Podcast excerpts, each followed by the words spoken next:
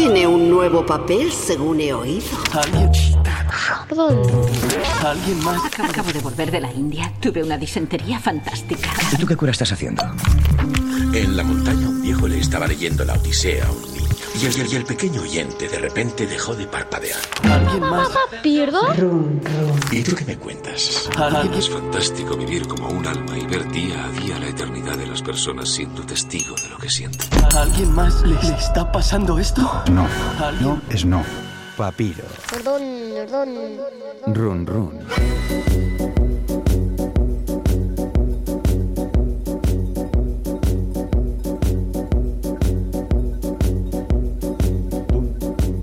Nueva edición de Papiro Run Run con Inco Martín. Inco, cuéntanos, ¿de qué va el papiro de hoy? Eh, a ver, ¿tú crees que sigue existiendo gente que no usa móvil, eh, que no tiene Twitter, por ejemplo, o que no tiene Instagram o Instagram? Insta, Instagram. ¿no? Insta se dice. O Insta, Insta. Insta. Parece, parece difícil, Insta, pero bueno. eh, pero, pero evidentemente digo yo que los hay, ¿no? Y menos mal. Eh, sí, o sea que por lo tanto crees en tu intuición, ¿no? Porque no te hace falta verlos para saber que están ahí. No sé, o sea, imagino que lo sabrá. Sí, y eso, y el imaginar está muy bien, incluso soñar, porque al fin y al cabo, querido Galder, sería muy tonto pensar que solo existe lo que vemos, ¿no? Claro, eso sería de, de- de muy cerrados de mente. Y no somos cerrados de mente. No, no, no, para nada. Para nada de nada. Mira, y si extrapolásemos todo esto a los animales, ¿de qué tipo de animales estaríamos hablando? Y no es el murciégalo, o puede estar también ahí. Mm, ah, pues no sé. Eh, yo que, em, de los outsiders del reino animal. Eh, mira, tú, imagina Sí, que eres un animal Sí. y sabes que hay una especie que se llama ser humano que Sí. se entromete y destruye constantemente tu entorno, incluso mata a tu especie. ¿Qué harías? Brrr, ya, ya, ya me suena ese ser. Yo qué sé, pues a- a- atacar, no sé, o esconderme por lo menos, sí. Eh, si atacas, yo te aviso. Como el ser humano tiene armas de fuego, puede que te pase algo, ¿no? Sí, ¿Qué claro. te puede pasar? Pupu, ¿no? Que haga pupu, Sí, claro. pupu. ah, pupu. Claro. Ah, Sí, y tu cabeza puede acabar como trofeo en algún salón también, que es muy feo, ¿eh? Total que te extinguirías. Te extinguirías igual que se extinguió el dodo o el moa. Así que, ¿qué elegimos? No, pues entonces me escondo, me escondo, sin duda. Te escondes. Y así, de esa manera, te conviertes en un animal oculto, aunque viviente, como por ejemplo el picozapato o el carcayú. Y si pasas el tiempo y no se te viese durante siglos y siglos y siglos, puede que incluso fueses carne de criptozoología, tú. Criptozoología. Criptozoología. Que es como una pseudociencia que, pues, que estudia los animales misteriosos, míticos. Ah, o sea que, eh, que bueno, pasaría yo a ser un animal mitológico. Sí, Ah, de vale. grandes historias. Oh, qué bueno, qué Sí, bueno, Sí, sí, mola. puede ser, sí. Serías, pues pasarías a formar parte de, de una cuadri con gente como el unicornio, el yeti, el monstruo del lago Ness, por ejemplo. Oye, tú, buena cuadri para salir de sí, poteo. Sí, claro. sí, sí, igual tienes que pagar tú, pero bueno, Bueno, oye, no pasa nada, No pasa no pasa nada, nada, no pasa nada. Pues mira, de estos, de animales extinguidos y de animales vivos pero ocultos, va el libro de hoy, que se titula Animales Invisibles, mito, vida y extinción. Un libro, obra de Gaby Martínez y Jordi Serrayonga, ilustrado por Joana San- eh, Santamans y que nos traen las editoriales Nórdica y Capitán Swing. Vale, entiendo que el libro Inco se divide en animales mito, extinguidos y vivos, pero difíciles de ver. Bien, entiendes. Vale. Y luego hay otra que es titulada, está titulada como Más vida, que vaya de animales que por sus extraordinarias características, pues podrían parecer mitos, pero que son tan reales como tú y como yo, que somos reales, ¿no? Sí, sí, bueno. Pues sí, no lo sé. ¿no? no- yo si me muerdo me duele, o sea que soy real. Sí, pero no te muerdas. Eh, A veces. A. Eh, en total, ¿qué tenemos en el libro? No me poco, disperses. me verdad, venga, va. Me muerdo, ¿eh? ¡Ay! ¡Au! ¡Ay, que me has mordido a mí! Por jugar. Ay. Bueno, eh, 51 animales divididos en cuatro secciones tenemos en este libro. Vale, vale, Mm. vale. Y, y claro, para, para saber de ellos, supongo que viajar es imprescindible. Eh, sí, por ello, y como sé que te encanta. Sí, me gusta. eh, sí, pues vamos a viajar cual exploradores de la mano de este libro. Es más, te he traído unas botas Vale. con borreguito por dentro y como flecos por fuera. Talla- ¿Qué talla tienes tú? Me encanta. Yo 40, 40. Cuare- ostras, 40, son 45, 41. te van a quedar grandes. Bueno, da igual. Pero bueno, la Da cosa al final, ¿sabes lo que es? Le meto papel de periódico, dime qué es. Abrígate. Ah, vale.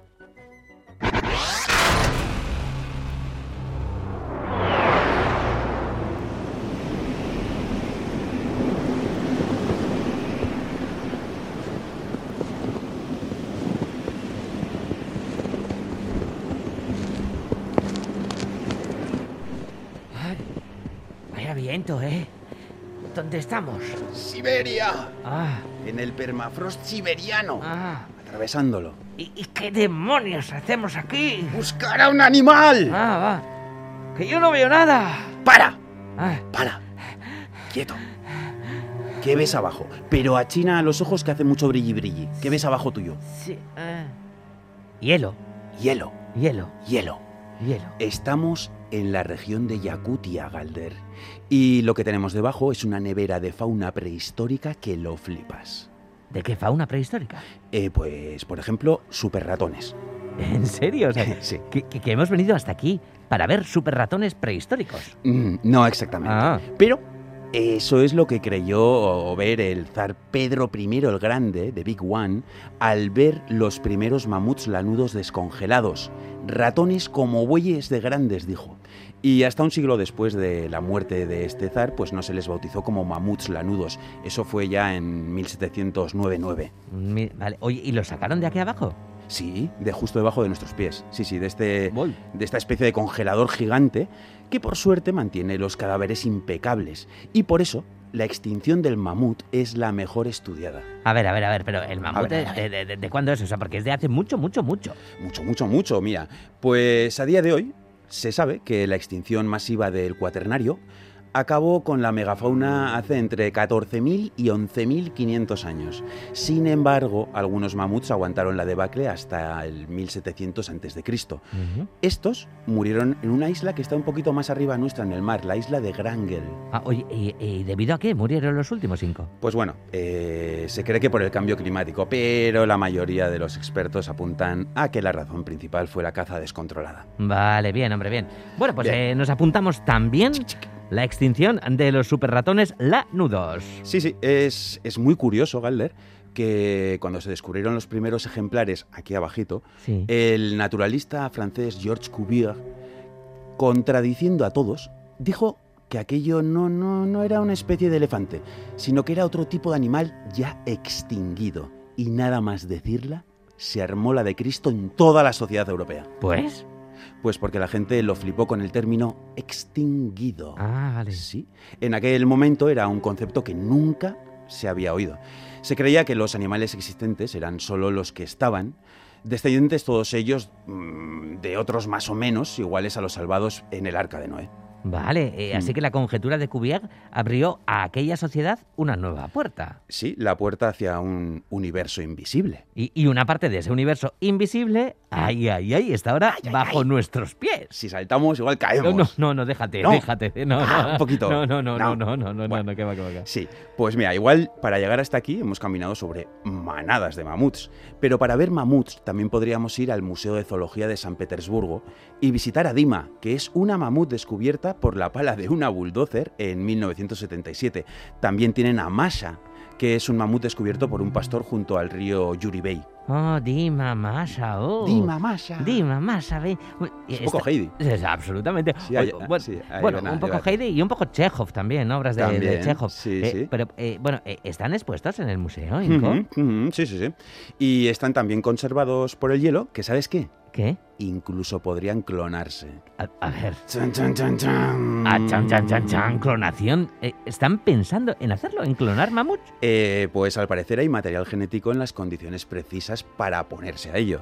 Y mientras se decide si sí sí o si no, pues ya hay piratas recorriéndose la tundra por esta zona a la búsqueda de pelo, piel y marfil, que el marfil también hace mucho brilli brilli, y además cuentan con mejores medios y recursos que muchos paleontólogos y arqueólogos. Wow, miedo, miedo Ujú. me da. Ya me imagino a mamuts como atracción turística. Sí, selfie con mamut. ¡Sonríe!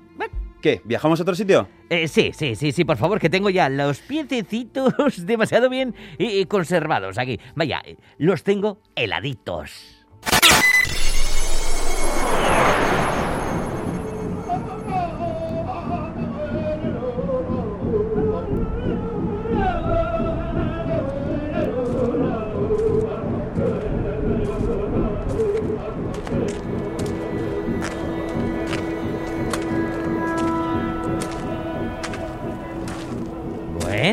Bueno, bueno, ¿y a dónde hemos llegado? Esta vez con el libro Animales Invisibles, Mito, Vida y Extinción. Eh, pues mira, hemos llegado a Dakota del Sur. Oh, En Dakota del Sur estamos, tío. sí, qué chulo. A un, a un, a un lugar a un lugar sagrado donde se esconde la pipa del ternero de búfalo blanco. La pipa del ter- ¿Qué es esa pipa? Pues cuentan los Sioux que esa pipa fue un regalo de una mujer que apareció así sin más de la nada y enseñó a su pueblo a consagrar el tabaco y a fumarlo en esta pipa, lo cual los conectó con el dios creador Wakantanka. Una especie de Skype místico humeante, digamos. En aquella época. Vale. Sí, en Dakota del Sur. Vale. ¿Y, y les dijo algo? Wakantanka eh, en esa conexión. Wakantanka, les dijo, sí, sí. sí. Les dijo una cosa muy importante y muy a recordar, que mientras cuidasen y respetasen la tierra, su gente viviría para siempre. Ah. Luego la mujer se transformó en un búfalo blanco y desapareció. Eh, pero ¿existen los búfalos blancos? Sí, sí, sí que existen. Son raros de ver, pero existen. Mm. Eh, Tú sabes que los búfalos son súper sagrados para los nativos americanos, ¿no? Sí, sí, como que eran eh, los que les daban todo lo necesario para vivir y tal, ¿no? Sí, eso es. Les daban alimento, abrigo, también les daban fuerza y confianza. Dicen que son tan sagrados que los antiguos cazadores, cuando derribaban a uno, inhalaban su último aliento para, absor- para absorber las esencias de su espíritu. Uy, uy, uy, uy, pues no sé yo cómo leerá su aliento. Ah, eh. sí, bueno. Oye, eh, pe- pero ¿y qué hay del búfalo blanco?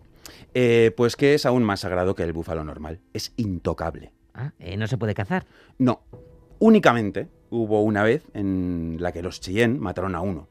Fue una, una noche con, con lluvia de estrellas, un momento que consideraron perfecto para redactar un tratado de paz y comercio, y que decidieron escribir precisamente sobre la piel de un búfalo blanco. Anda, ¿y eso? Pero, pero, pero si era tan sagrado. Pues mira, en aquella época, era, aquella época era una época difícil para, para ellos, y desesperados confiaron en que la magia del animal ayudase a la supervivencia del pueblo, y por eso lo hicieron sobre su piel. Ah, ¿y, y los búfalos blancos viven eh, con el resto de búfalos? Sí, eh, todos juntitos. Dicen, Galder, que tiene que ser espectacular, que cuando las inmensas manadas de búfalos pastan, si entre ellos hay uno blanco, su blancura ilumina como si fuese la luz de un faro. Buah, eso sí que es un brilli ¿eh? Sí, hay que quedarse hasta la noche aquí. ¿eh? Buah, ya te digo, tiene que ser flipante, alucinante ver esa Sí, imagen, Inco. Y excepcional, porque supuestamente de cada 10 millones de búfalos que nacen, solo uno es blanco. Y por eso suelen ponerles nombres especiales como por ejemplo milagro, relámpago o incluso medicina. Bah, mágico el búfalo blanco. Sí, y una magia que tal vez perdura por la invisibilidad precisamente, a veces en lo real o a veces en lo imaginario. Y así podríamos seguir con este libro, pues conociendo animales como el león asiático, el delfín rosado, el tzicayó, el megaterio y bastantes más. Qué bueno, qué bueno. Qué maravilla, qué maravilla. Bueno, pues eh, a descubrirlo, si no, entre las páginas de este libro, Animales Invisibles, Mito, Vida y Extinción, de Gaby Martínez, Jordi eh, Se- Serra, Yonga Jesús y Joana Santamans. Y a las editoriales, claro, eh, Nórdica y Capitán Swing, es eh, donde están publicadas. Así que gracias a ellos, a ellas, por mostrarnos este lado tan oculto de la naturaleza.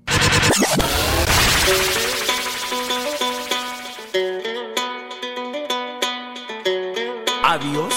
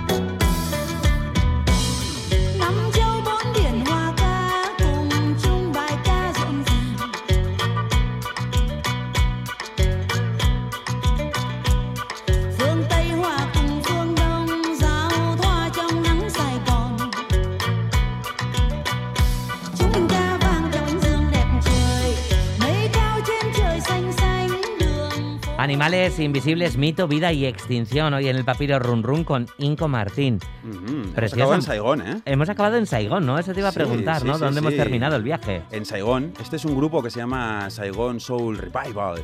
Y que recupera la música soul vietnamita de los años 60-70. Muy invisible también por aquí. Absolutamente. Absolutamente. Hay que dar visibilidad también a toda esa, a toda esa música, ¿no? Queremos pedirte que vuelvas la semana que viene, Inco Martín. Sí, de momento esta noche me quedaré por aquí a ver si veo búfalos blancos. Ay, jolín. Que me encantaría. Vale. Eh, Uno, con uno me vale. Te espero aquí en Dakota del Sur. Adiós.